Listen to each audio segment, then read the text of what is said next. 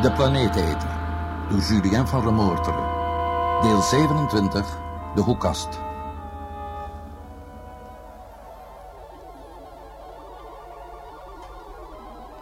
Op het moment dat ruimtevaartingenieur Schmoll en professor Hinder mij vertelden wat er precies te gebeuren stond met de aarde, kreeg ik de grootste teleurstelling uit mijn leven te verwerken. Terwijl de geleerden zich over de ware problemen bogen en koel en zakelijk de mogelijkheden nagingen, had ik zitten knoeien, ik had zitten prutsen, beter gezegd. En al mijn energie gegeven aan niet bestaande problemen. Van Schmoll en Hinder wist ik dat het evenwicht in de aardkorst totaal verbroken was door de gebeurtenissen die bekend staan onder de naam Grote Maanbeving. Er zouden massale aardbevingen en vulkaanuitbarstingen plaatsvinden. De Amerikaanse westkust had op dat moment alle behoorlijke klap incasseren gekregen. En de aarde gromde dat dat hoorbaar en voelbaar was in het anders zo seismologisch rustige West-Europa. Maar wat mij evenwel zo tegen de borst stuiten was, dat men niets deed om bepaalde gebieden te evacueren. Zelfs niet die waarvan men met zekerheid kon voorspellen dat ze door een ramp zouden worden getroffen. Schmoll en Hinde antwoordden daarop met te zeggen dat het geen zin had een miljard mensen te verplaatsen. Daar kon ik nog in komen. Maar toen men zelfs de evacuatie weigerde van kleine landsgedeelten waar men hevige vulkaanuitbarstingen voorzag, toen wist ik dat er ergens iets niet klopte. Wat was hier eigenlijk aan de hand? Wat kon ik geloven en wat niet? Hoe kon ik achter de waarheid komen? Ja, vandaag de dag begrijp ik eigenlijk nog niet wat mij na de spiraaltoren op de Noordzeebasis heeft gebracht. Juist op die dag. Maar ik mag niet vooruitlopen op de gebeurtenissen. Tijdens de kleine aardschok die het land deed schudden... was ik nog steeds in gesprek met de geleerde heersers van de basis... ruimtevaartingenieur Schmoll en professor Dokter.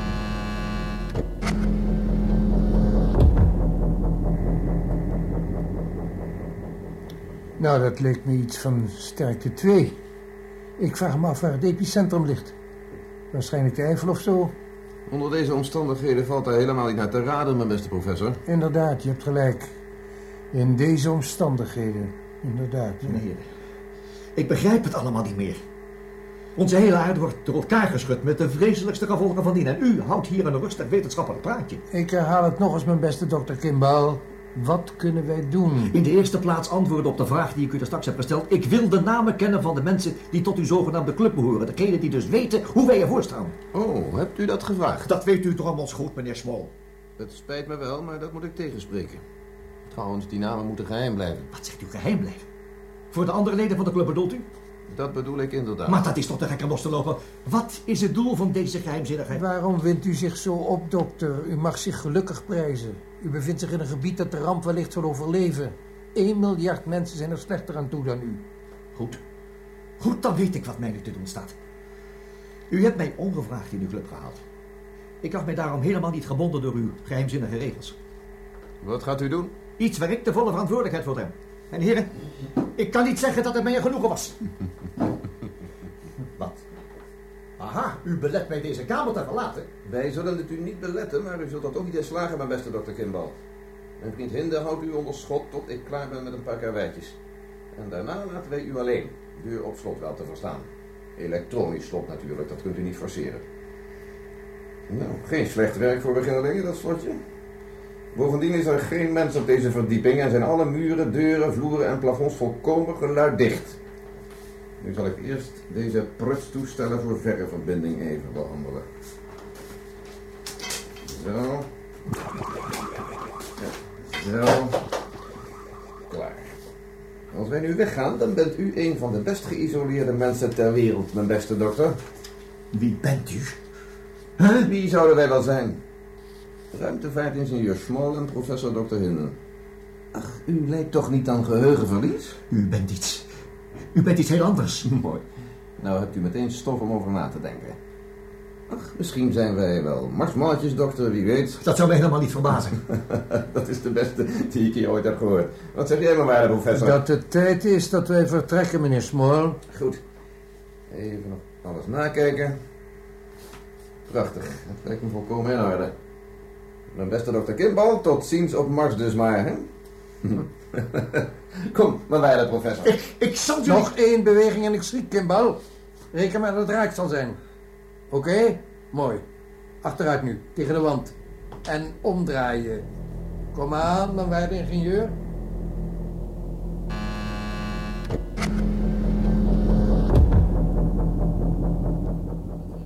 Dan volgt het nieuws. Het nieuws. Zoals reeds meegedeeld wordt zowel de gehele aarde geteisterd door een reeks hevige schokken. Na de Amerikaanse westkust, die nog steeds niet tot rust kwam, kregen ook Japan, Nieuw-Guinea en de oostkust van Australië het zwaar te verduren. Enorme vloedgolven overspoelden de eilanden van Polynesië, Micronesië en Melanesië. De bases in het Zuidpoolgebied hebben een onverklaarbare stijging van de grondtemperatuur vastgesteld. Over een gebied van ongeveer 100.000 vierkante kilometer gaat het landijs aan het smelten. Stormen razen met de nooit eerder waargenomen felheid over Antarctica.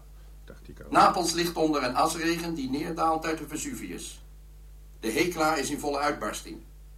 In het Eifelgebergte hebben sommige kleine meren de kooktemperatuur bereikt.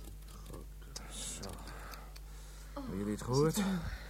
De Zuidpool is aan het smelten. De planeteneter baant zich een weg naar buiten.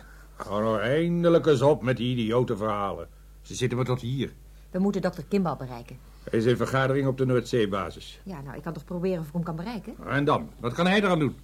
Heb jij het nummer, Greta? Ik, eh, eh, jawel, jawel, Erika. Eh, zone 12, nummer 17. 17. Nee, nee, nee, nee, 19. Ja, wat is het nou? 17. Nou, neem iets kalmerends, Greta. Dus eh 12, 17, 19. Ja, ja, ja, dat is het. Nou, zeg hem dan, Erika, dat wij hem kost wat kost moeten spreken. Hij moet nou eindelijk gaan inzien dat wij het bij het rechte eind hadden. Basis Noordzee ingeschakeld. U kunt zich melden. Ik ben Erika Blanker, astrofysica, meneer. Kunt u mij ook zeggen of dokter Kimball nog in vergadering is bij ruimtevaartingenieur Smol? Oh, dat treft net, juffrouw. Enkele minuten geleden zag ik toevallig dat ruimtevaartingenieur Schmoll en professor Hinde de basis verlieten. De vergadering moet dus wel afgelopen zijn. En dokter Kimball was niet bij hem? Nee, zeer zeker niet. Het is natuurlijk mogelijk dat hij de basis langs een andere uitgang verliet. Oh, juist, ja. Ehm, meneer, u bevindt zich toch bij de hoofdingang van de basis? Inderdaad, juffrouw. Dus als dokter Kimball naar de helihaven wil, dan moet hij u passeren. Als hij de kortste weg wil nemen, dan wel. Maar hij kan de haven even goed bereiken via uitgang C of F. Ja, ja, inderdaad. Eh, nou, dank u wel, meneer. Tot uw dienst, juffrouw. Dus, dokter Kimball moet momenteel op weg zijn. Normaal gesproken, ja. Hoe bedoel je? Nou, in ieder geval hoogstwaarschijnlijk. De vergadering is blijkbaar afgelopen. En Kimball weet dat Erika hier op hem wacht, dus... Hij kan opgehouden Ja, oké, oké, we zullen afwachten. Ik heb hem wel nodig. Wie nog meer? Oh, ik eigenlijk ook, Walter. Jij? Ja, eh, laten we met z'n allen gaan, hè? In de bar kunnen we net zo goed naar de nieuwsberichten luisteren. Goed idee. Hier zitten we ons toch maar op te vreten.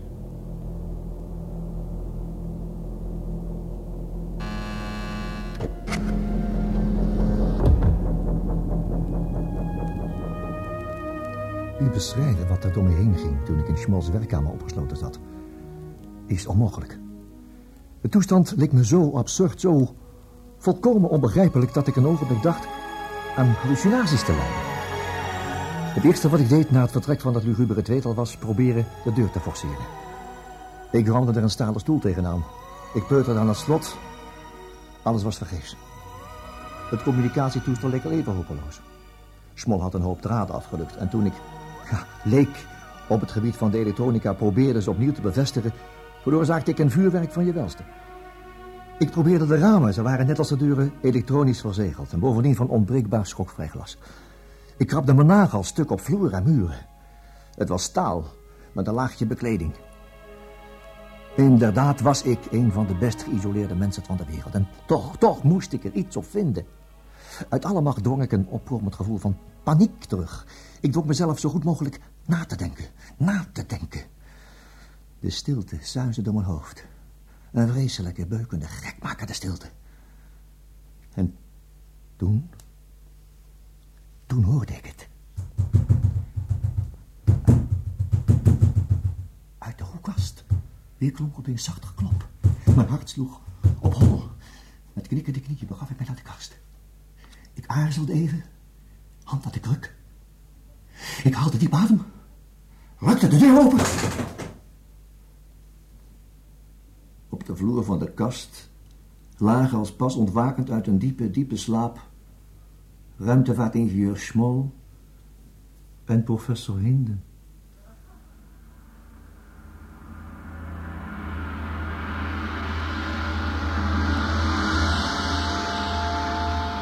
Jullie hebben geluisterd naar het 27e deel van de Planeeteter door Julien van Remoorteren, De Hoekast. Rolverdeling. Dr. Karel Kimbal, Jan Borkes. Dr. Walter Simons, Willy Ruys. Peter Lansheer, Hans Karsenberg. Erika Blanker, Marijke Merkens. Greta, Barbara Hofman. Professor Hinden, Frans Somers. Ruimtevaartingenieur Schmol, Paul van der Lek. Omroeper Frans Kokshoorn. Portier Hans Hoepman. Technische realisatie Ton Prudon, Beert Gertenbach en Bram Hengeveld. Regie Bert Dijkstra.